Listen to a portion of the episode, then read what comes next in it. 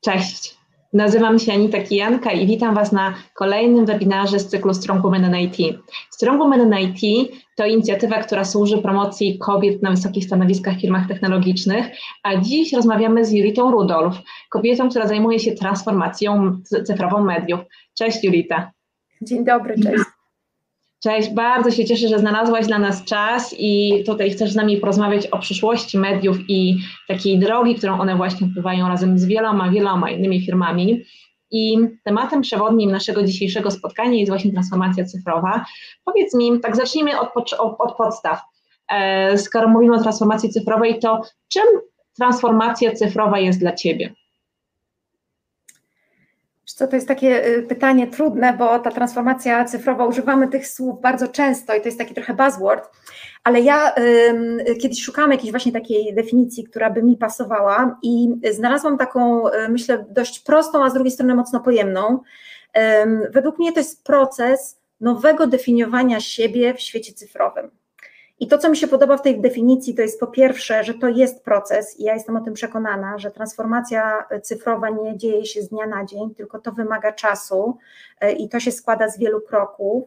E, druga, to, to podoba mi się ten element definiowania siebie, e, bo rzeczywiście moim zdaniem ta transformacja cyfrowa to jest olbrzymie wyzwanie i to wymaga od nas takiego innego spojrzenia, takiego patrzenia na świat właśnie przez pryzmat tej, tej cyfrowości, zmiany zachowań naszych użytkowników, zmiany zachowań naszych pracowników.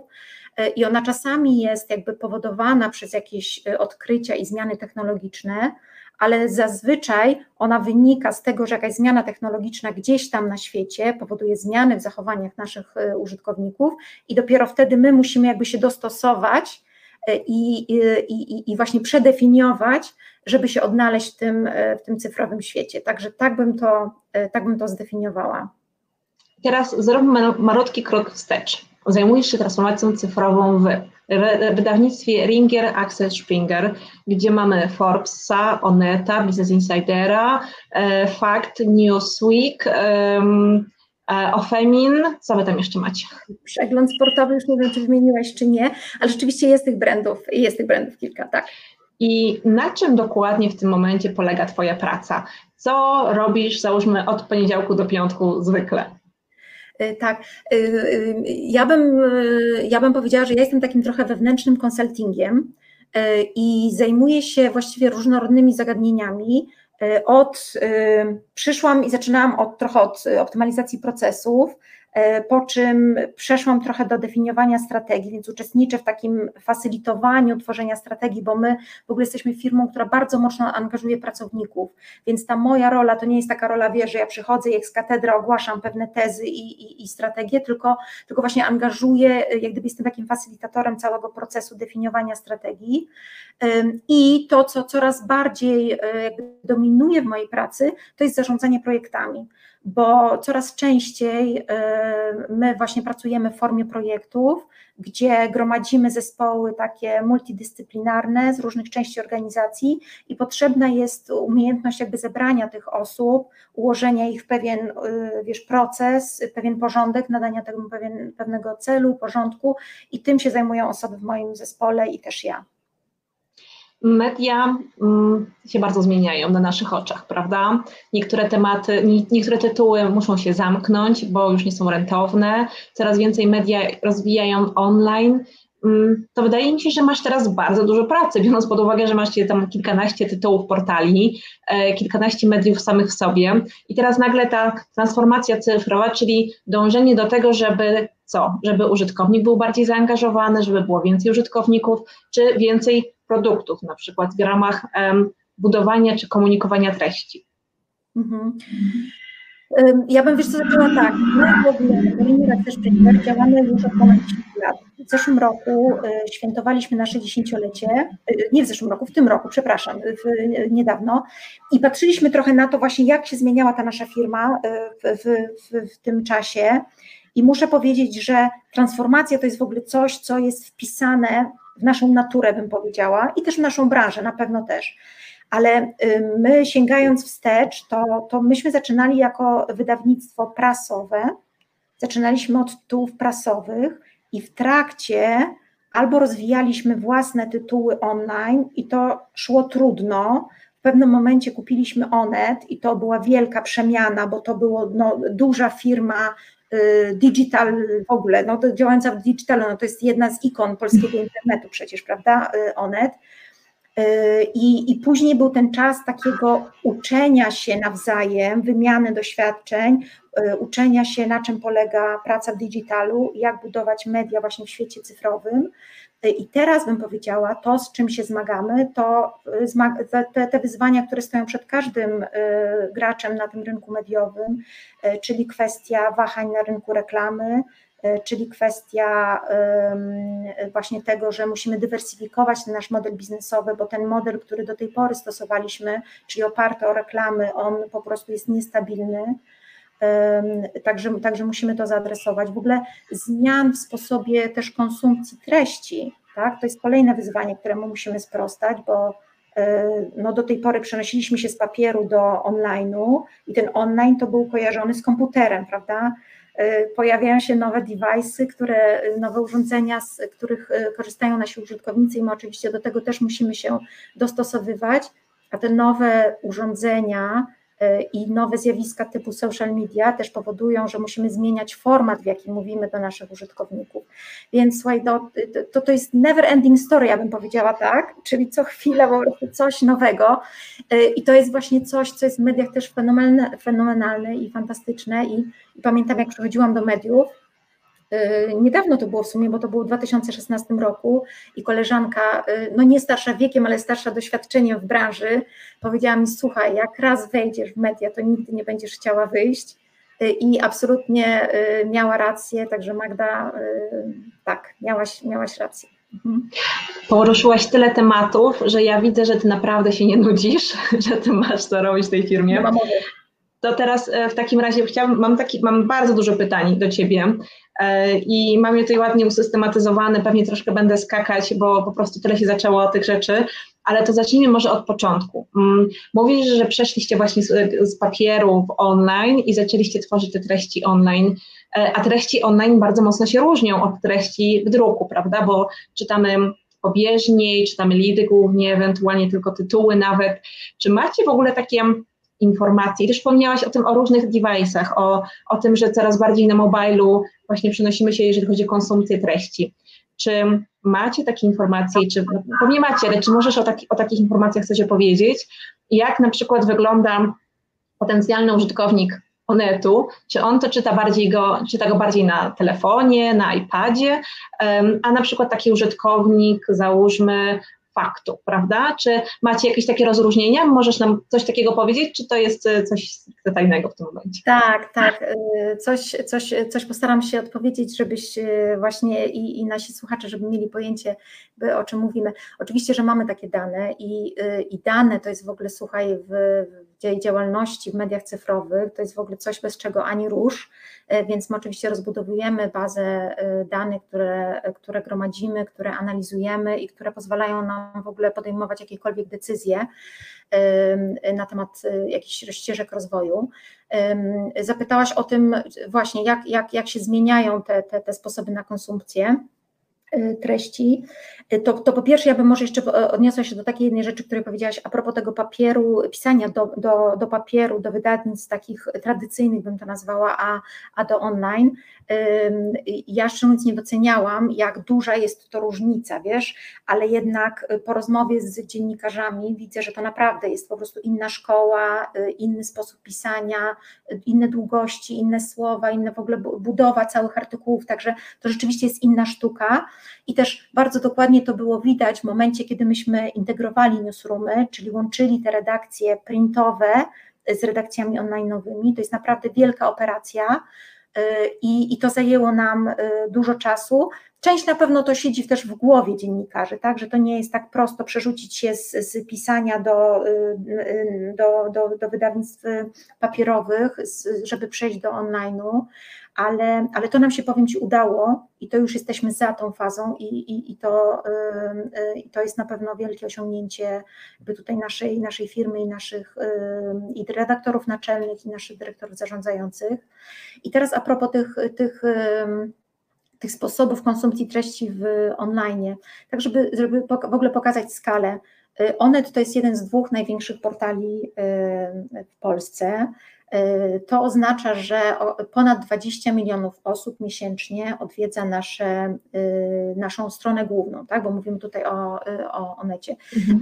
Przepraszam, stronę główną powyżej 13 milionów, naszą grupę odwiedza powyżej 20 milionów użytkowników miesięcznie i to są dane właśnie z Geniusa. I teraz tak, czy to jest więcej osób, które wchodzą na naszą stronę na komputerze czy na komórce, więc y, to jest już więcej, więcej użytkowników komórkowych, że tak powiem, tak, mobilnych i, no i te, ta, ten, ten udział mobila rośnie, tak, jak to my mówimy tutaj, czyli coraz więcej z tych użytkowników, którzy, którzy wchodzą na, nas, na nasze strony z, z urządzeń y, komórkowych przenośnych. Czy to się różni jakoś między poszczególnymi tytułami? Wiesz co, są takie tytuły, które są jakoś tak bardziej lubiane, bym powiedziała, przez użytkowników komórek i na przykład takim e, no dość oczywistym e, port, no nie portalem, ale, ale serwisem jest Jak dojadę, tak? Jak dojadę jest głównie używane przez e, osoby, które korzystają z komórki, gdzieś tam jeszcze, które się przemieszczają, ale też fakt na przykład jest, właśnie ma bardzo duży udział tych, tych użytkowników mobilnych, także to jest też taki serwis, który właśnie w mobilu bardzo jest, bardzo się fajnie przyjmuje. No a pozostałe, to wiesz co, tak, tak patrząc pod kątem tego, tego ilu ma użytkowników desktopowych i mobilnych, to to są podobne, y, podobne tam czasami się wahające liczby. Natomiast no, ta liczba użytkowników na komórkach rośnie, rośnie szybciej niż tych na, na komputerach. Przyznam Ci, że zaskoczyłaś mnie tym faktem, bo my, byłam pewna, że powiesz, że to jest Business Insider, czy Forbes są bardziej na czele, ale mamy tu pierwsze pytanie od Pauliny. E, na ile według Pani automatyzacja produkcji treści może zastąpić klasyczne mhm. dziennikarstwo? Tak, to, to jest taka e, bajka, opowieść e, fantastyczna, którą, którą oczywiście jakoś się wszyscy fascynujemy, czyli czy, czy maszyny mogą zastąpić człowieka i jak bardzo, prawda? I, ja, y, ponieważ od, od lat zajmuję się automatyzacją przeróżnych procesów, uważam, że to zastąpienie w pewnym stopniu jest możliwe, natomiast wciąż y, wierzę jednak tutaj w, w pewną przewagę ludzi i wydaje mi się, że, że, że, że to pełne zastąpienie nie jest możliwe. Y, natomiast my już dziś wykorzystujemy y, rzeczywiście roboty do tego, aby pisały bardzo, y, no, z mojego punktu widzenia, proste notatki, czy to dotyczące pogody, czy to dotyczące opisów wyników meczów. Więc my wykorzystujemy już to i, i to jest też o tyle fajne, że, że z punktu widzenia człowieka te akurat treści no nie są takie, nie każdy się nie rzuca na to, żeby napisać notkę o pogodzie czy o wyniku y, meczu. Oczywiście, jeżeli chodzi o analizę meczu i ocenę gry poszczególnych, y, y, poszczególnych graczy, to, to, to oczywiście zupełnie inna sprawa, ale takie krótkie notki po prostu informacyjne, to, to, to, to właśnie już korzystamy tutaj z, z maszyn, także to jest, to jest na pewno jedno z, z w ogóle ze sposobów wykorzystania inteligencji sztucznej w naszej branży. Mhm. Póki nie piszecie horoskopów za pomocą sztucznej inteligencji, jest chyba ok. Ale jest, mówisz przed nami wszystko? Horoskopy są dla wielu osób y, treściami, po które sięgają codziennie, więc wiesz, ja tu też szanuję tych użytkowników, to jest, to jest jak się okazuje, częsty, wiesz, częsty i potrzebny y, zasób. Jasne, znaczy żartuję sobie, ale myślę, że biorąc pod uwagę, ile tam jest rzeczy takich do przeanalizowania, jeżeli to jest taki, wiesz, taki horoskop, taki e, patrzący gwiazdy, no to tam naprawdę myślę, że też dałoby się to zrobić. Ale zaskoczyłaś mnie, bo nie wiedziałam, że już e, te wyniki meczy, ale zastanawiam się, czy jesteś w stanie trochę opowiedzieć, jak e, działa taki bot, czy to już jest trochę zbyt techniczna wiedza w tym momencie? Y, wiesz co, w szczegółach Ci nie, nie, będę, mhm. nie będę w stanie opowiedzieć no ale to jest, y, y, myślę, że to tak działa, wiesz, że to są po prostu pewne szablony, w które wpisywane są, jest, jest tych szablonów kilka i w te szablony po prostu wpisywane są wartości aktualne, tak, które tam wyniki meczu, czy, czy po prostu faktyczna prognoza pogody, tak, które jest po prostu ubierane pewne słowa i to jest wykorzystywane przez, przez automaty, ale taka kolejna, mogę pociągnąć trochę ten wątek, bo wiesz, bo, bo, bo pisanie tych notatek to jest jedna z rzeczy, no ale my oczywiście na tym się nie opieramy, bo, bo y, gro te treści jest pisanych przez człowieka oczywiście u nas i, i, i też tym, y, tym y, trzymamy, jakby zachęcamy użytkowników do tego, żeby odwiedzali nasze strony, natomiast to, do czego wykorzystujemy roboty codziennie, to jest personalizacja i tutaj już rzeczywiście jakby ilość danych, Y, które przekazujemy jak gdyby automatom do przeanalizowania i one na podstawie zachowań naszych użytkowników budują pewne schematy i pewne profile użytkowników i w zależności właśnie od tego, y, jak się ci użytkownicy zachowują, to y, przedstawiamy im pewne treści. I to jest akurat coś, co wydaje mi się w ogóle jest jakąś przyszłością mediów, to znaczy, żeby dopasowywać treści do zainteresowań i zachowań naszych użytkowników, i to powoduje, że my tego użytkownika jesteśmy w stanie angażować w treści dłużej, przytrzymać go na naszych stronach dłużej. A tak z perspektywy y, wiesz, naszej branży, to to, o co walczymy i to, co jest niezwykle cennym zasobem ludzkim, którego wciąż myślę mamy za mało, to jest ten czas, prawda? I my walczymy i z telewizją, i z i z innymi e, w ogóle sposobami spędzania czasu, jak social media, żeby ten czas u nas na, na naszych stronach był po prostu jak, jak najdłuższy, a możemy to zrobić właśnie poprzez pisanie e, jakościowych, e, rzetelnych treści, przez budowanie tego zaufania do naszej marki i o tym też możemy porozmawiać, dłuższy temat, ale, ale bardzo ciekawy, jak to nam się zwróciło w czasie pandemii na przykład. Ale wracając do tej personalizacji, no to właśnie to to y, dzięki temu, że Ty jako użytkownik dostajesz na, na naszych stronach treści, które Ciebie interesują, no to rozumiem, że wiesz, że, że przeskakujesz z artykułu na artykuł, czytasz, czytasz coraz więcej i to wszystko jest właśnie związane z, z Twoimi zainteresowaniami. Tutaj mamy pytanie od Konrada. Czy w erze zasypywani nas dużą ilością treści, generalnie na nasze własne życzenie, rola treści wartościowych tworzonych przez kompetentnych redaktorów, twórców nie będzie zyskiwać na znaczeniu, budując lojalność czytelników? No to trochę chyba się powiela, to co powiedziałaś. Absolutnie, Panie absolutnie tak. Y, właśnie w to wierzę i to też widzimy bo my mhm. jako Onet przeszliśmy taką drogę od agregatora treści, gdzie bardzo duży udział był takich treści, które były po prostu przepisywanymi depeszami, jakoś tam y, mm, uzupełnianymi depeszami y, agencji informacyjnych, w stronę no, dziennikarstwa z prawdziwego zdarzenia. Mamy teraz jeden z naprawdę z najlepszych zespołów dziennikarskich w, y, w właśnie w redakcji Onetu, gdzie no, y, w ogóle jesteśmy najczęściej cytowanym medium jako portal onet.pl od no, kilku dobrych miesięcy, kilkunastu miesięcy. Także idziemy w stronę tego rzetelnego dziennikarstwa, dokładnie tak jak Pan mówi, wierząc w to, że to rzetelne, możliwie niezależne dziennikarstwo Y, jakościowe, czyli pisane y, poprawną polszczyzną, zawierające opinie też i mądrość naszych dziennikarzy, to jest to, co będzie powodowało naszą przewagę konkurencyjną i że właściwie tylko tym możemy się wyróżnić na rynku, niczym innym. I to, co zaczęłam mówić trochę, to y, słuchajcie, że w COVID-zie na, na, w drugiej połowie marca, tak, kiedy ludzie rzeczywiście no, szukali informacji, czuli pewni, to zwracali się gdzie? Do y, portali, do źródeł, którym ufają. I wtedy te nasze wzrosty zasięgowe i nasze wzrosty y, użytkowników były po prostu naprawdę znaczące. Y, I tu widać było, że że my jesteśmy takim źródłem, któremu użytkownicy ufają e, i z którego chcą zasięgać, w którym chcą czytać informacje, które są rzeczywiście istotne dla ich zdrowia i życia, tak? No bo wtedy to, o, o takim zagrożeniu y, mówiliśmy. Także absolutnie i to jest, to jest właśnie to, na co stawiamy, czyli, czyli rzetelne, jakościowe dziennikarstwo wykonywane przez profesjonalistów, i to oczywiście musi kosztować, więc tu wracamy do kwestii właśnie jak, jak, to najlepiej, y, jak to najlepiej sfinansować. I to jest myślę w ogóle największe wyzwanie naszej branży, tak? Monetyzacja y, treści y, w sieci, wiedząc, że one muszą iść w stronę jakościową, a z drugiej strony no, uzależnienie finansowania od, od reklamodawców jest, jest naprawdę, powiązanie tego jest bardzo, bardzo trudne. Mamy właśnie pytanie od Łukasza Malczewskiego, chyba które jest idealnie zgodne z tym, co powiedziałaś. Jaki procent użytkowników jest skłonny do płacenia za treści? Czy jest miejsce na treści wysokiej jakości i czy istnieje tu korelacja między jakością a skłonnością do płacenia za treści?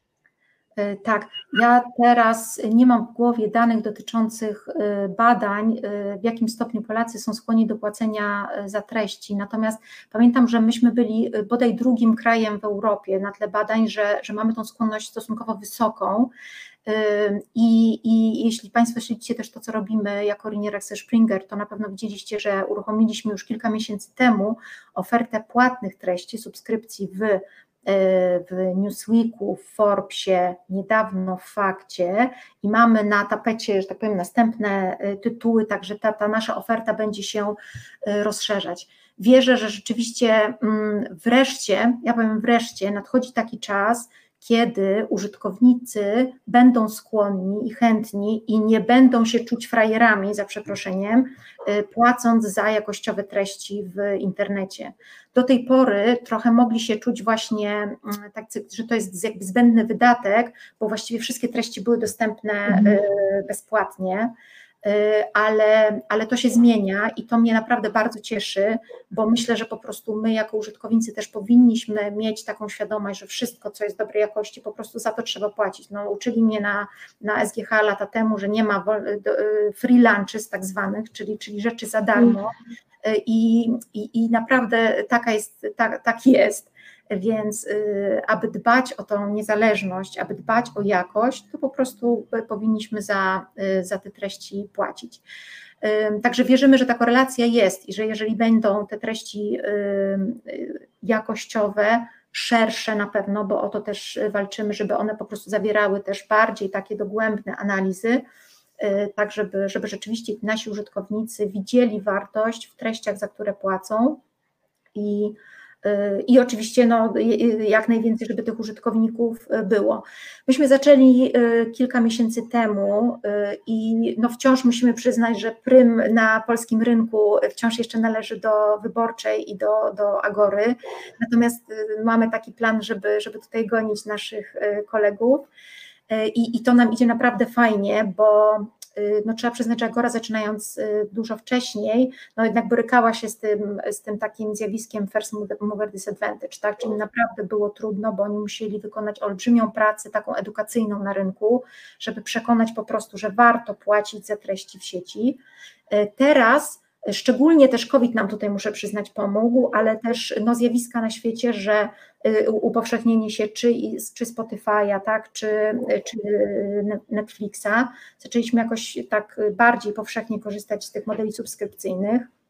I, I teraz jest już znacznie łatwiej pozyskać y, następnego klienta. Oczywiście pojawia się wyzwanie polegające na tym, ile tych subskrypcji każdy z nas może mieć bo na razie mądre książki mówią, że dwie to jest taki najczęściej, y, y, naj, najczęstszy model, no ale wiemy, że są użytkownicy, którzy, którzy mają tych subskrypcji więcej i Także liczymy, że y, liczymy bardzo mocno na to, że ta nasza baza użytkowników będzie się poszerzać i że, że to będzie się rozwijać i rzeczywiście, że, że te przychody z subskrypcji będą istotnym źródłem finansowania działalności spółek mediowych. Muszę Ci przyznać, że drugi raz mnie dzisiaj zaskoczyłaś, bo cytując informację o tym, że jesteśmy w tej czołówce, czy na drugim miejscu podaje, że w zakresie płacenia, czy chęci płacenia za treści, to też nie spodziewałam się czegoś takiego po nas. Jakoś chyba nie wiem, jakoś tak może nie wierzę tak do końca w ten nasz naród, a może niepotrzebnie, bo wydawało mi się, że raczej jesteśmy skłonni do szukania, googlania, wyszukiwania, wyszukiwania sposobów, jak tu obejść tą możliwość płacenia za te treści, ale Super, bardzo się cieszę. Anita, ja myślę, że, że jest mi to bliskie, co mówisz, natomiast z drugiej strony y, spróbuj popytać swoich znajomych, jak, czy oni byliby skłonni płacić za właśnie za jakościowe dziennikarstwo, bo ja spróbowałam taką sondę przeprowadzić i wiesz, i naprawdę y, zadziwiło mnie, ile osób mówi, że tak, że mają tak dość y, takich nachalnych reklam, że, że chcieliby właśnie, żeby te, te artykuły były dłuższe i pogłębione. I to oczywiście nie chodzi, wiesz, o takie codzienne czytanie, ale żeby móc sięgnąć do takiego źródła, gdzie, gdzie, do którego mam zaufanie, gdzie, gdzie te treści są wysokiej jakości, że ludzie są skłonni za to zapłacić. Także zachęcam też do, do zrobienia takiego, takiego wywiadu wśród znajomych i, i, i wtedy rzeczywiście okazuje się, że że, że są y, osoby, które są skłonne płacić. No też na pewno y, słyszeliście, nie wiem, czy słyszałaś o, y, ostatnio dużo jest wywiadów z Markiem Thompsonem, czyli prezesem odchodzącym już New York Times, któremu udało się zwiększyć bazę subskrybentów tam z około 500 tysięcy, chyba jak obejmował stanowisko, do 5 milionów ponad teraz. Wow. E, także, no oczywiście mówimy o New York Times, mówimy o rynku amerykańskim, to, to wiesz, to jest inna skala, no ale mimo wszystko to pokazuje i ten przyrosty w ostatnim kwartale, no to były rzędu 500-600 e, tysięcy, czyli, czyli naprawdę no coś, na co kiedyś trzeba było pracować miesiącami, a teraz to się dzieje w jednym kwartale, także, także ta krzywa już, e, wiesz, przyspiesza, że tak powiem i, i wierzę, że naprawdę przychodzi czas na to, żeby te subskrypcje się rozwijały. Myślisz, że to też jest między innymi sprawka COVID-u? Tak, tak, tak, mhm. tak, bo, bo y, mając, chociaż teoretycznie, bo nie wiem, kto miał więcej czasu, ale rozumiem, że byli tacy ludzie, nie ja, którzy w covid mieli więcej czasu mhm. na czytanie. Y, wiesz, no to, to, to y, niektórzy mówili tak, że przeczytali internet już do końca, do ściany doszli w internecie i wierzę, że tak mogło być i że, że wtedy jest takie pragnienie, żeby przeczytać tak coś, wiesz, bardziej tak przemyślanego, wartościowego i dlatego ta skłonność do, do płacenia y, może być większa. Nam, y, nam wzrosło trzykrotnie chyba y, liczba subskrypcji w czasie COVID-u, także, także przyspieszyło to zdecydowanie. Mhm. Ekstra, ekstra. Mamy kolejne pytanie od Pana Łukasza. Bardzo dziękujemy za tyle pytań. Czy udział treści wideo w, w ofercie RASP, RASP będzie rósł w perspektywie czasu? Czy dopuszczają Państwo możliwość tworzenia treści wideo przez samych użytkowników? Ojej, trzecie jeszcze pytanie. Może nie ma to sensu ze względu na moc YouTube'a? Tak. Y, co do treści wideo, y, to rzeczywiście myśmy bardzo stosunkowo wcześnie weszli w produkcję treści wideo y, i mieliśmy, no, myślę, bardzo dużą ofertę tych treści wideo, zarówno takich programów premium, jak to my nazywamy, czyli oczywiście tutaj flagowym przykładem mhm. jest Onetrano, mm, z drugiej strony takich materiałów redakcyjnych, krótkich. I no właśnie, ten YouTube, do którego Pan też się odwołał, no trzeba przyznać, że oni są y, mocnym, silnym graczem y, i też mhm. bardzo mocno przyciągają osoby, które są zainteresowane treściami wideo. Y, my takiej siły przyciągania dla użytkow- do użyt- wobec użytkowników, którzy preferują treści wideo, nie mamy. I no tak jak mówię, niektóre treści fantastycznie się, że tak powiem, używają, ludzie to oglądają, i to, to super idzie, natomiast y, co do zasady y, nie chcemy iść w, w zwiększanie ilości tych treści. Uważamy raczej, że powinniśmy iść znowuż w jakość tych treści, w to, że jest, oferujemy jak gdyby dostęp do określonych użytkowników, także będzie to, będzie to taki produkt bardziej bym powiedziała wysokiej jakości, tak? Y, mniej, będzie tego miejsca na wideo, także, także myślę, że, że ci wszyscy, którzy właśnie doceniają jakość, y, a znowuż nie, nie zawalanie użytkownika takimi treściami, które się gdzieś tam same odpalają i, i, i czasami też denerwują, to ci użytkownicy docenią tą naszą ofertę nową. A jak myślisz, jak będą wyglądać? Wiem, że to jest bardzo takie wishful thinking, albo wręcz w zasadzie może niemożliwe do wyobrażenia, ale załóżmy, że mamy moc e, przyspieszania czasu i mamy moc tworzenia tego wszystkiego. Jak według Ciebie będzie wyglądała e, sytuacja mediów? Jak będą wyglądać media w 2025 roku? Tak zwykle się mówi ten przedział 5-10 lat. 5 jest naprawdę i tak bardzo długim czasem. To jest bardzo ciekawe pytanie. W ogóle próbowałam o tym rozmawiać, bo, bo my też jesteśmy przed okresem budżetowania teraz, a zawsze przed budżetowaniem staramy się zebrać tak zwane strategic beliefs, czyli właśnie przekonania o tym, jakie zmiany będą następować na rynku, więc jakby jesteśmy na gorąco wewnątrz firmy, dyskutując właśnie o tym, o tym co, w co wierzymy, co będzie się działo na, na rynku mediów. I powiem Ci tak, znaczy wydaje nam się, że będziemy się ugruntowywać w tych trendach, które już widzimy, o których już wiemy.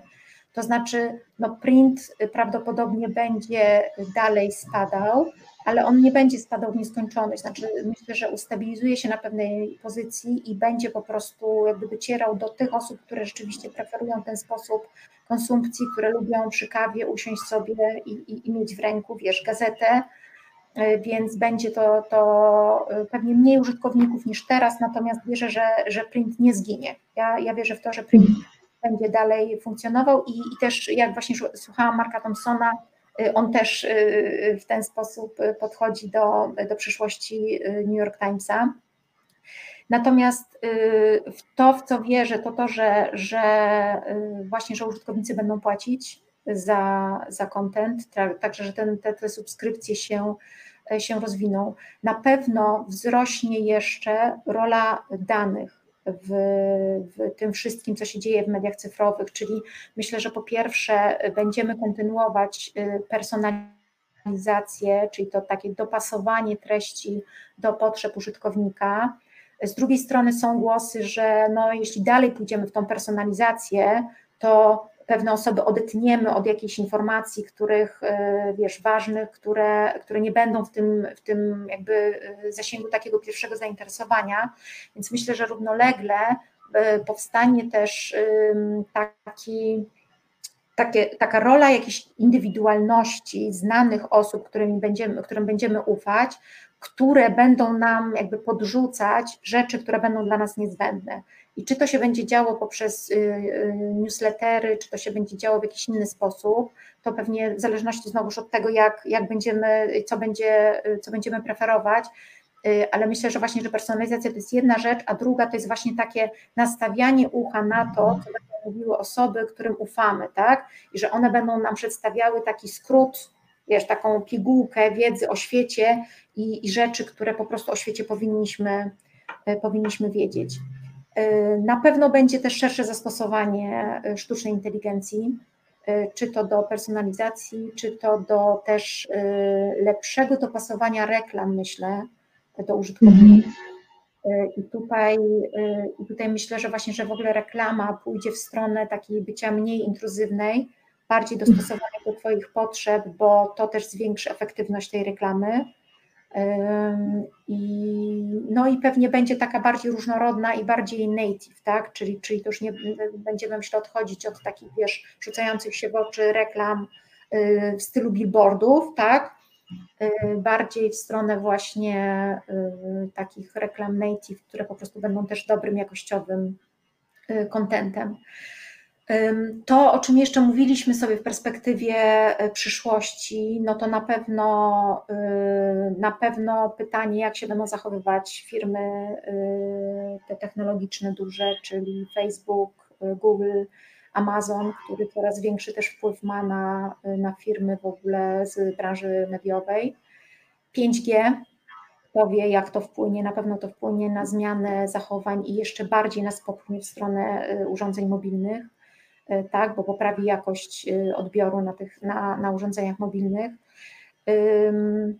I, no i dane, dane, czyli e, wiesz, bezpieczeństwo danych, wykorzystanie danych, first party, third party cookies, no to jest wszystko, o czym teraz dyskutujemy i to są jakieś takie wielkie, wielkie niewiadome, także na pewno dyskusja wokół danych będzie się dalej toczyć. Mam takie teraz ma dwa pytania związane z tym, co powiedziałaś. No, bo ja odnośnie personalizacji totalnie się zgadzam i uważam, że to jest bardzo dobry kierunek i bardzo dobry trend. Mam tam tylko jedną obawę. E, to jest tak jak z bańką, chociażby na Facebooku czy na LinkedInie.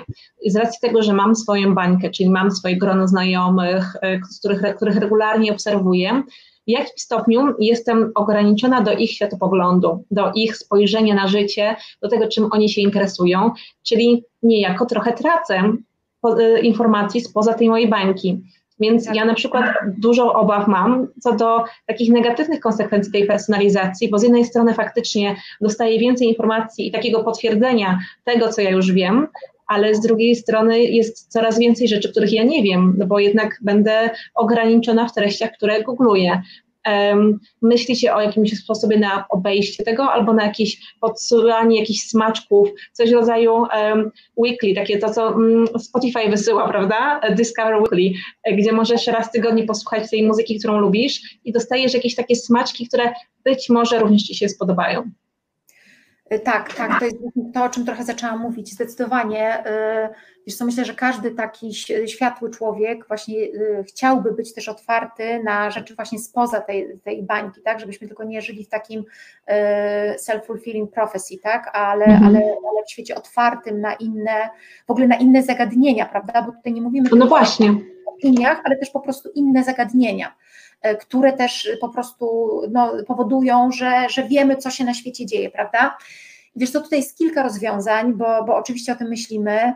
Y, po pierwsze, właśnie to jest trochę to, co powiedziałam, tak? czyli taki wybór redaktora naczelnego, y, z którym chcemy docierać do naszych użytkowników i wierzymy, że to jest też coś, czego właśnie użytkownicy od nas oczekują, tak? Czyli redaktor naczelny, który właśnie jednym z jego zadań jest wybranie z całego ogromu zagadnień, które się dzieją na świecie, wybranie tych, o których powinniśmy wiedzieć i ułożenie ich w pewnej jakiejś kolejności, prawda?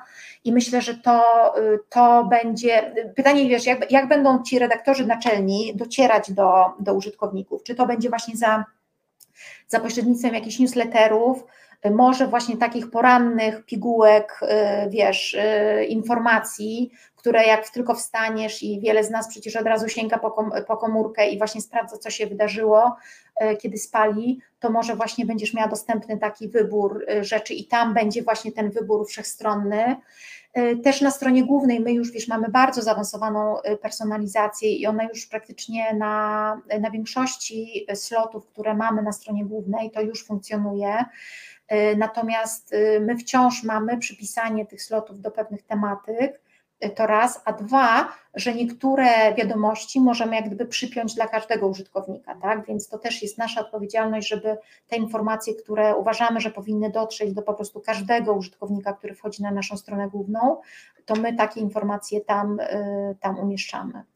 No tak. tak, to jest też ważna, ważna rzecz, żeby prawda, nie, nie iść taką tendencyjność, do której niestety mamy też tendencję.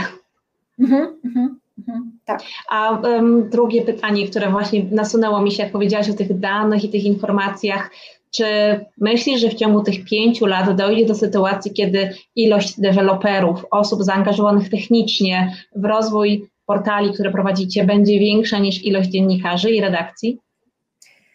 E, właśnie, to jest, to jest też bardzo ciekawe pytanie, e, szczególnie w kontekście e, tego, co my, co my robiliśmy ostatnio, bo my cały, cały czas, wiesz, no byliśmy firmą mediową i ostatnio dodaliśmy do tak jakby definicji naszej firmy, że jesteśmy firmą mediowo-technologiczną, Media and Tech Company, więc y, oczywiście mamy na uwadze to, co mówisz, i to jest, y, no już rozmawialiśmy dzisiaj, zobacz, ile czasu też o danych, prawda? Bo one, one są kluczowe, e, a żeby te dane mieć, no to musimy mieć systemy e, i, i, i analityków, tak? To są takie dwie mhm. grupy zawodowe, które, mm, które są niezbędne. Natomiast y, odpowiadając na Twoje pytanie, Anita, czy, czy ta ilość deweloperów, liczba deweloperów będzie większa niż liczba dziennikarzy? Wiesz co, to ja tutaj nie mam takiego przekonania i już Ci powiem dlaczego. Dlatego, że nie wszystko jest sens y, dewelopować in-house, czyli wewnątrz naszej firmy. Mhm. Y, my musimy zachować zdrowy balans między tym, co y, wypracowujemy, co budujemy wewnętrznie, a z jakich rozwiązań korzystamy na zewnątrz. My akurat mamy e, fantastyczny system e, Ring Publishing, z którego korzystamy i to był system budowany na naszą potrzebę, który teraz oferujemy na zewnątrz. E, czyli on naprawdę jest udoskonalany już teraz nie tylko poprzez nasze wymagania, a umówmy się, no, nasza grupa to jest, tak jak mówiłam, te 20 milionów miesięcznie użytkowników samej naszej grupy Polsce, ale drugie tyle y, obsługujemy w ramach naszej grupy całej korporacyjnej y, poza Polską, ale też y, rozbudowujemy tą bazę o użytkowników już w ogóle spoza, spoza grupy, bo oferujemy te nasze rozwiązania technologiczne już jakby niezależnym podmiotom po prostu branży mediowej. I, mm, I to jest sposób generalnie na to, żeby zwrócić nam trochę koszty tego developmentu, który który ponosimy, no i oczywiście sposób na udoskonalenie naszych narzędzi, bo mamy dużo głów, które mogą nam podpowiedzieć, jak te nasze technologie poprawiać. Ale wracając do właśnie do, do Twojego pytania, to, to wierzę, że musimy mieć tutaj taką równowagę między tym, co budujemy wewnątrz i rozwiązań specjalistycznych, które no, są po prostu oferowane przez firmy wyspecjalizowane, które praktycznie w 100% zatrudniają, zatrudniają deweloperów i po prostu w tym się specjalizują i dbają o, o po prostu najwyższą jakość, niezawodność tych rozwiązań technologicznych. Super. Pytanie do Justyny. Chciałabym zapytać, co według Pani, oprócz jakości udostępnionych treści, ma wpływ na to, jaki tytuł najlepiej się sprzedaje, czy też ma najwięcej wejść na stronę? Co oprócz treści ma, wpływ? No na pewno user experience, tak? Czyli treści, ale też całe ułożenie jak gdyby tego, tych treści i takie no właśnie Y, no, doświadczenie, tak? Do, doświadczenie mhm. użytkowania tego, y, tego portalu. Y, ja myślę, że też jakość to jedno, ale też dobór treści. My analizujemy w ogóle i user experience, bo patrzymy, jak użytkownicy w ogóle się zachowują na, na naszych treściach, na naszych stronach. Mamy też specjalistów od user experience, także, także to oczywiście jest przedmiotem naszej pracy, analizy i usprawniania ciągłego ale druga rzecz to też analizujemy na bazie grupy użytkowników, jakie w ogóle są ich odczucia z codziennej jakby interakcji z naszymi, y, z naszymi stronami. Także tam wiem, że, że, że właśnie osoby zwracają uwagę i na dobór treści, i na ich różnorodność, i na jakość, i na to właśnie, czy one nie są jakieś jednostronne, czy, czy człowiek po pracy zmęczony, który już widział tam o wszystkich pożarach i tragediach, które się w ciągu dnia wydarzyły, czy on może też poczytać o czymś innym i czy to jest wciągające, prawda? Y, także, także myślę, że ten taki dobór treści też jest, jest bardzo ważny, ta różnorodność. To chyba bym takie, takie aspekty wymieniła. To wiesz co, bo COVID poza tym, że sprawił, że bardziej przeszliśmy do sieci, mm, spowodował jeszcze jedną rzecz, a mianowicie masowy wysyp e, fake newsów, czyli informacji nieprawdziwych, e, które są gdzieś tam rozprzestrzeniane, kopiowane i po prostu nieraz e, sieją bardzo dużą dezinformację. Ale z drugiej strony mamy coś takiego, co się bardzo mocno obecnie rozwija, mianowicie deepfake'i, czyli takie materiały, które jakby wykorzystując technologię podkładają głos e, pod, pod czyjąś buzię, pod czyje, i tak jakby wkładają nam nasze usta e, nie nasze słowa. E, I teraz jako media wy macie naprawdę twardy orzech do zgryzienia według mnie, jak się bronić przed takimi nieprawdziwymi informacjami, czy potencjalnie fake newsami. Macie na to jakąś e, procedurę, skoro mówisz, że tak lubisz automatyzację, macie na to jakiś sposób, jak wyłapywać te informacje, które są po prostu takimi um, fake newsami, które tylko sieją popłoch i niezrozumienie? Mhm. Tak, to jest rzeczywiście takie zjawisko, z którym mamy do czynienia y, na całym świecie i, i, i, wiemy, że, y, że no to jest wyzwanie dla wszystkich i to powoduje, że użytkownicy tracą zaufanie w ogóle do mediów, prawda? Mhm. Takie badanie Reuters Institute, które właśnie pokazuje, że, że, no, że mamy taki kryzys zaufania w ogóle do mediów y, do polityków też, bo, bo nie wspomniałaś polityków, ale, ale oni tutaj też odgrywają ważną rolę w całym tym procesie no, my, i tutaj to trochę też nawiązanie do Pana, który pytał o materiały wideo i YouTube'a, y, to my, y, słuchajcie, my nie publikujemy treści user-generated content, tak jakby nie, zawsze jest to kontrolowane, może bym powiedziała tak, bo publikujemy treści, które otrzymujemy od użytkowników i to są na przykład listy, które otrzymujemy do, Onet otrzymuje, natomiast to zawsze jest jakby weryfikowane, zawsze, zawsze to wymaga interakcji przez, y, czy działania po stronie naszej redakcji. Także oczywiście, że w redakcji to jest jakby element w ogóle pracy dziennikarskiej, mamy procedury y, i zasady, które obowiązują wszystkich pracowników naszych redakcji i są bardzo też rygorystycznie przestrzegane w obliczu tego, co się dzieje, właśnie jakby weryfikacji, sprawdzania i publikowania tylko tych treści, które są sprawdzone. Natomiast wiesz, no jesteśmy też jakby częścią tej, tego świata mediowego, do którego właśnie użytkownicy tracą zaufanie, więc też nie, nie, nie odważę się powiedzieć, że to nie jest nasz problem, bo, bo okej, okay, on może nie, nie, jakby my, ponieważ nie jesteśmy, tak jak social media, e, aż tak bardzo narażeni na publikowanie treści yy, nieprawdziwych, to, no to, to, to jakby rikoszetem właśnie traci, tra, tracimy na, na zaufaniu i, i z naszej strony jakby robimy wszystko, żeby, żeby te nasze treści były rzetelne, sprawdzone, Y, i żeby budować to zaufanie naszych użytkowników, bo jesteśmy mhm. przekonani, że w taki sposób y, będziemy budować ich lojalność, powracalność, a to jest to, tak jak powiedziałam, ten czas spędzany u nas i ta, ta powracalność użytkownika to jest to, o co dzisiaj walczymy. Już nie walczymy o te newsy, tak, o, o, o tak zwane klikanie, y, czy clickbaity, tylko, tylko właśnie o, o, o czas, o zaangażowanie, o zaufanie użytkownika,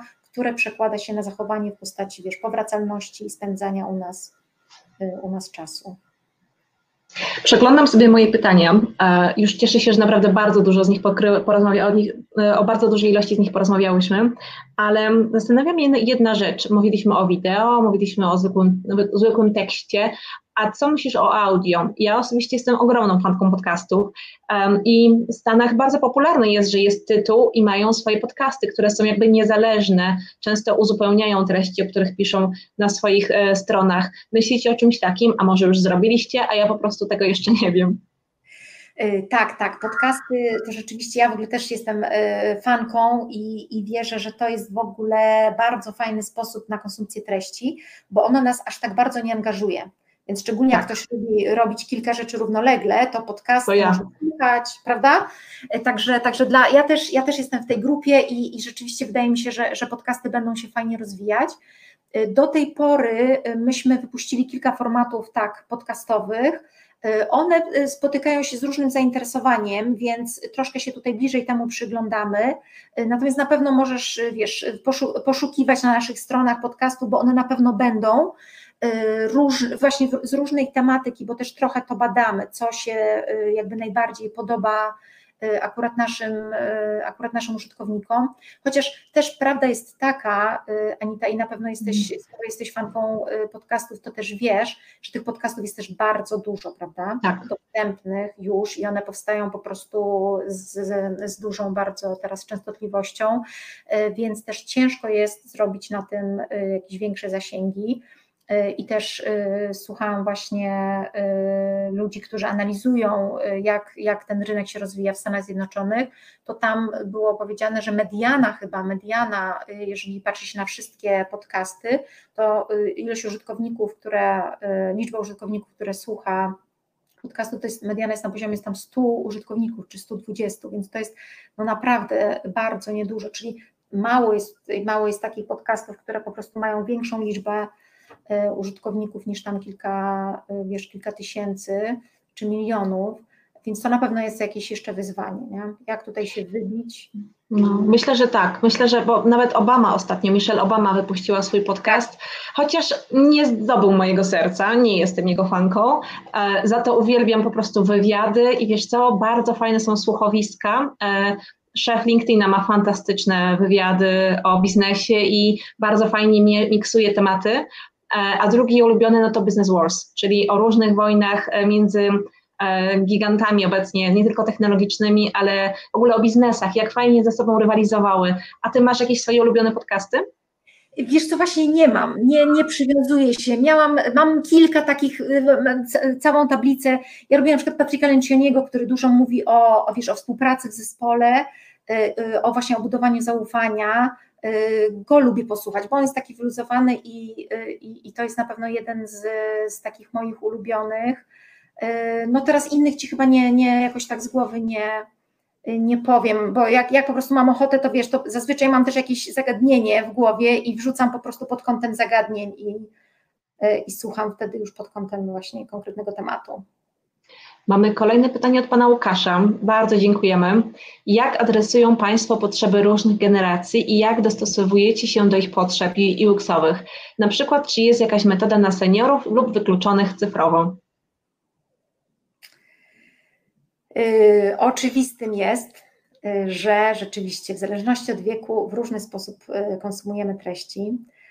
I, I oczywiście staramy się dostosowywać jakby do najnowszych trendów, co oczywiście de facto oznacza, że staramy się jakby dopasowywać do tego, co przynoszą nam nowe pokolenia. I, i, I, tu na przykład na takie nastawianie ucha na te najnowsze pokole, najmłodsze pokolenia to jest, mamy serwis Noise, który w bardzo fajny sposób tutaj nadąża za trendami e, i w modzie, i, e, i w muzyce, i, i, w ogóle w takim życiu um, urban life, że tak powiem. Także, także w, tej, w tym zakresie jest, jest prościej mi odpowiedzieć.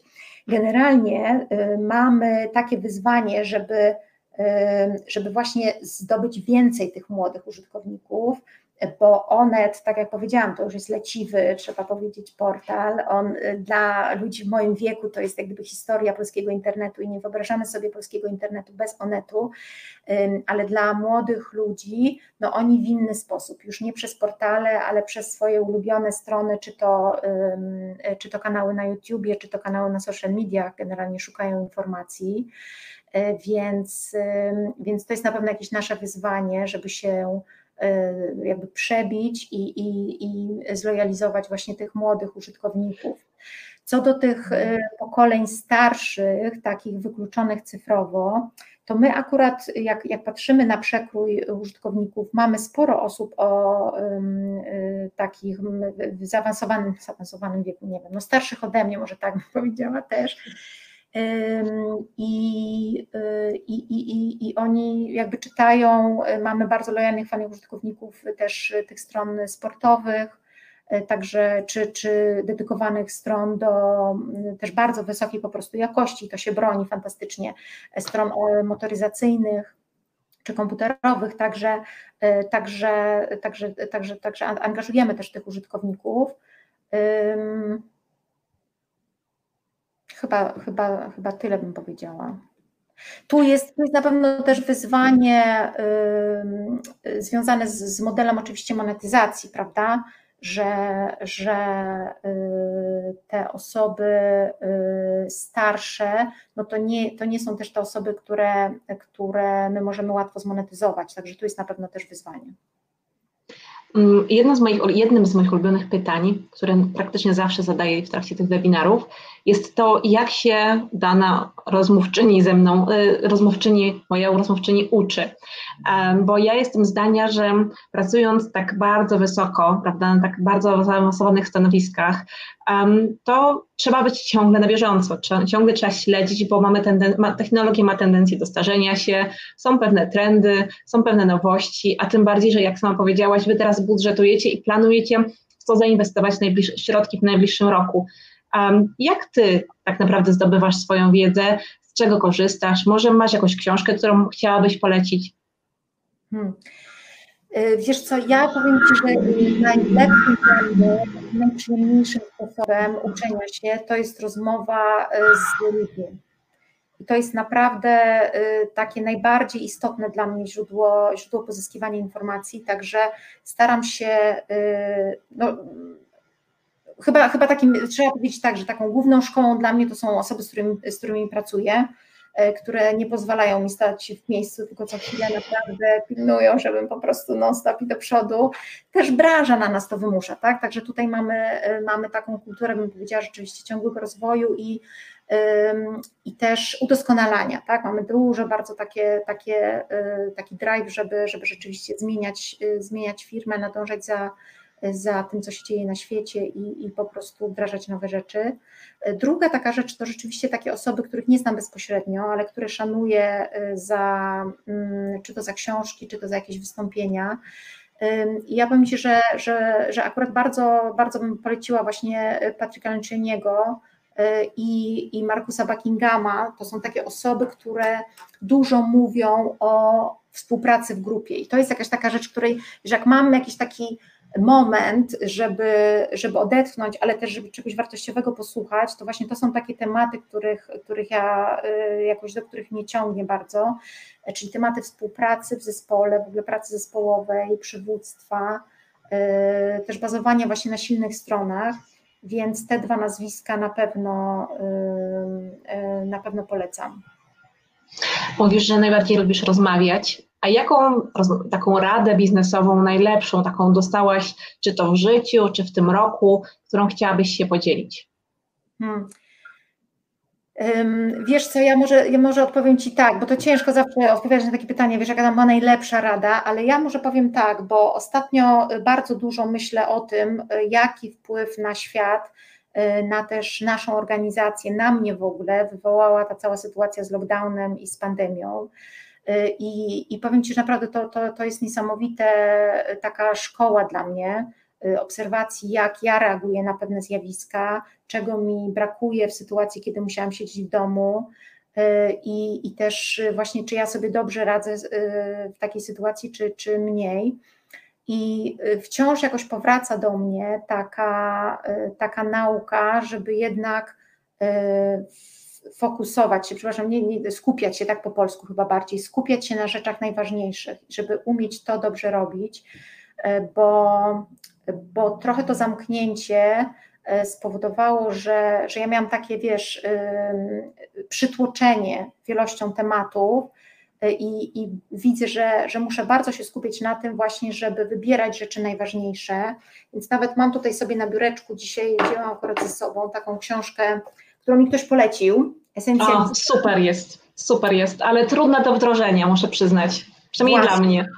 Właśnie, więc ja chyba hmm. jestem w tej samej grupie, wiesz, że ktoś mi to polecił, kiedy rozmawiałam właśnie, że, że mam taki problem z, wiesz, z, mam takie poczucie w ogóle, że wszystko mi ucieka, że nie mam na wszystko czasu na to, na co bym chciała e, mieć czas, że nie potrafię właśnie jakoś dłużej też przysiąść przy tematach, się, się skupić i, i właśnie polecono mi tą książkę, jaką taką amerykańską, ale powiem Ci, ja, ja mam wrażenie, że ten esencjalista y, jest właśnie mocno praktyczny, a z drugiej strony bardzo, bardzo trudny do wdrożenia dla takiego typu osób jak ja, czyli e, wiesz, e, które wszystko interesuje, chciałyby wiedzieć, wiesz, e, bardzo dużo rzeczy, które właśnie z trudnością i z bólem, że tak powiem, serca przychodzi odrzucanie pewnych tematów, tak, że jednak tym się nie zajmę, bo zajmuję się czymś innym. Także tego Dokładnie. tak wiesz, czytam po jednej stronie i tam staram się go jakoś przemyśliwać, ale zgadzam się z Tobą, że to, to jest fajna książka, ale trudna do wdrożenia no tym niemniej polecam, bo, bo myślę, że, że, że warto y, sobie uświadamiać, że mniej czasami znaczy lepiej i tak naprawdę więcej. Więc to jest taka rada, która, y, która dzisiaj jest dla mnie ważna i która jest no, aktualna, bo, bo, bo wciąż myślę, że tu mam dużo do, y, do zrobienia. Może muszę Ci powiedzieć, że pracując naprawdę z dużą ilością firm czy ludzi w ramach technologii, którzy fascynują się technologiami, nie znam osoby autentycznie, a znam bardzo dużo ludzi, którzy nie mają takiego syndromu jak my, jeżeli pracują w nowych technologiach. I rok temu, jak robiłyśmy ten nasz raport Strong Women in IT, jedną z rzeczy, która właśnie najczęściej była wymieniana jako wyzwanie pracy w tej branży, to jest ta dynamika i ciągły rozwój e, i ta konieczność nadążenia. I tak ja sobie domniemywam, to jest tylko moje takie gdybanie, że ta technolo- po pierwsze, praca w technologiach nie wybiera się przez przypadek, tylko trzeba lubić tą dynamikę, ale z drugiej strony ta, ta dynamika też jest trochę potem taka jakby we krwi, po prostu tak przywykniesz, że dużo rzeczy się dzieje i ty byś chciała, przynajmniej ja osobiście bym chciała robić mniej, e, czytam te wszystkie książki Deep Work i tak dalej, staram się to jakoś poukładać, ale jest dla mnie bardzo trudne, żeby się odciąć i wiesz, skupić się na, na jednej rzeczy, bardziej czuję się momentami przebodźcowana tymi rzeczami, ale i tak to uwielbiam. E, więc ja myślę, że ten e, esencjalista jest czymś, co warto czytać parę razy i tak wiesz, wracać, powtarzać, wracać, powtarzać i um, znaleźć swój sposób na siebie w tym wszystkim. Mhm. Zdecydowanie, tak, tak. Powiedz mi to w takim razie ostatnie pytanie. Um, jakie są największe wyzwania teraz przed Tobą i czego Ci życzyć? Bo już godzinę rozmawiamy, nie wiem, czy zauważyłaś. O, bardzo szybko zleciało. Wiesz co, wyzwań jest oczywiście cała masa, yy, ale takie, o którym może właściwie mało rozmawiałyśmy, to może rzucę na pierwszy, że tak powiem, punkt. Jak wiele innych firm, my mamy takie wyzwanie i ja też uczestniczę w wypracowaniu nowego modelu pracy, po powrocie z COVID-u, bo nie chcemy wracać do starego modelu pracy, tylko chcemy rzeczywiście wykorzystać tą sytuację, aby jako firma wzmocnić tą pracę zdalną i umożliwić naszym pracownikom większą, większą elastyczność, co jest na pewno jedno, jedno z wyzwań. Drugie z wyzwań to organizujemy konferencję Business Insider Global Trends Festival i i tu jest nowe wyzwanie przed nami, sprzedaż biletów na tą e, imprezę, także tu e, faktycznie możecie pomóc, zapraszam serdecznie na, na mhm. konferencję, która będzie w październiku i myślę, że to też pięknie się wpisuje w tą naszą rozmowę o, o uczeniu się, bo będzie dostęp do fantastycznych ekspertów. I wiesz co, i trzecia, trzeci taki cel niezmienny to jest angażowanie użytkowników jak y, zaangażować użytkowników i jak to zmonetyzować. I to jest takie wyzwanie dla całej branży wspólne, więc nad tym cały czas pracujemy. No to w takim razie trzymam kciuki, życzę powodzenia, wytrwałości, siły, uwagi, tego czasu, żeby móc myśleć i pracować głęboko, na zasadzie nie tylko bieżące taski. I co, bardzo Ci dziękuję za to, że zgodziłaś się tutaj dołączyć do nas i porozmawiać z nami o przyszłości czy transformacji cyfrowej mediów. Było mi bardzo miło. Mam nadzieję, że jeszcze kiedyś będzie okazja tutaj porozmawiać. Bardzo dziękuję, bardzo również dziękuję za wszystkie pytania, bardzo ciekawe i, i, i, mam nadzieję, że to było dla Państwa też ciekawe. Także bardzo dziękuję Anita, bardzo mi było miło. W takim razie do zobaczenia za dwa tygodnie, a ja dziś życzę Wam już udanego popołudnia. Cześć.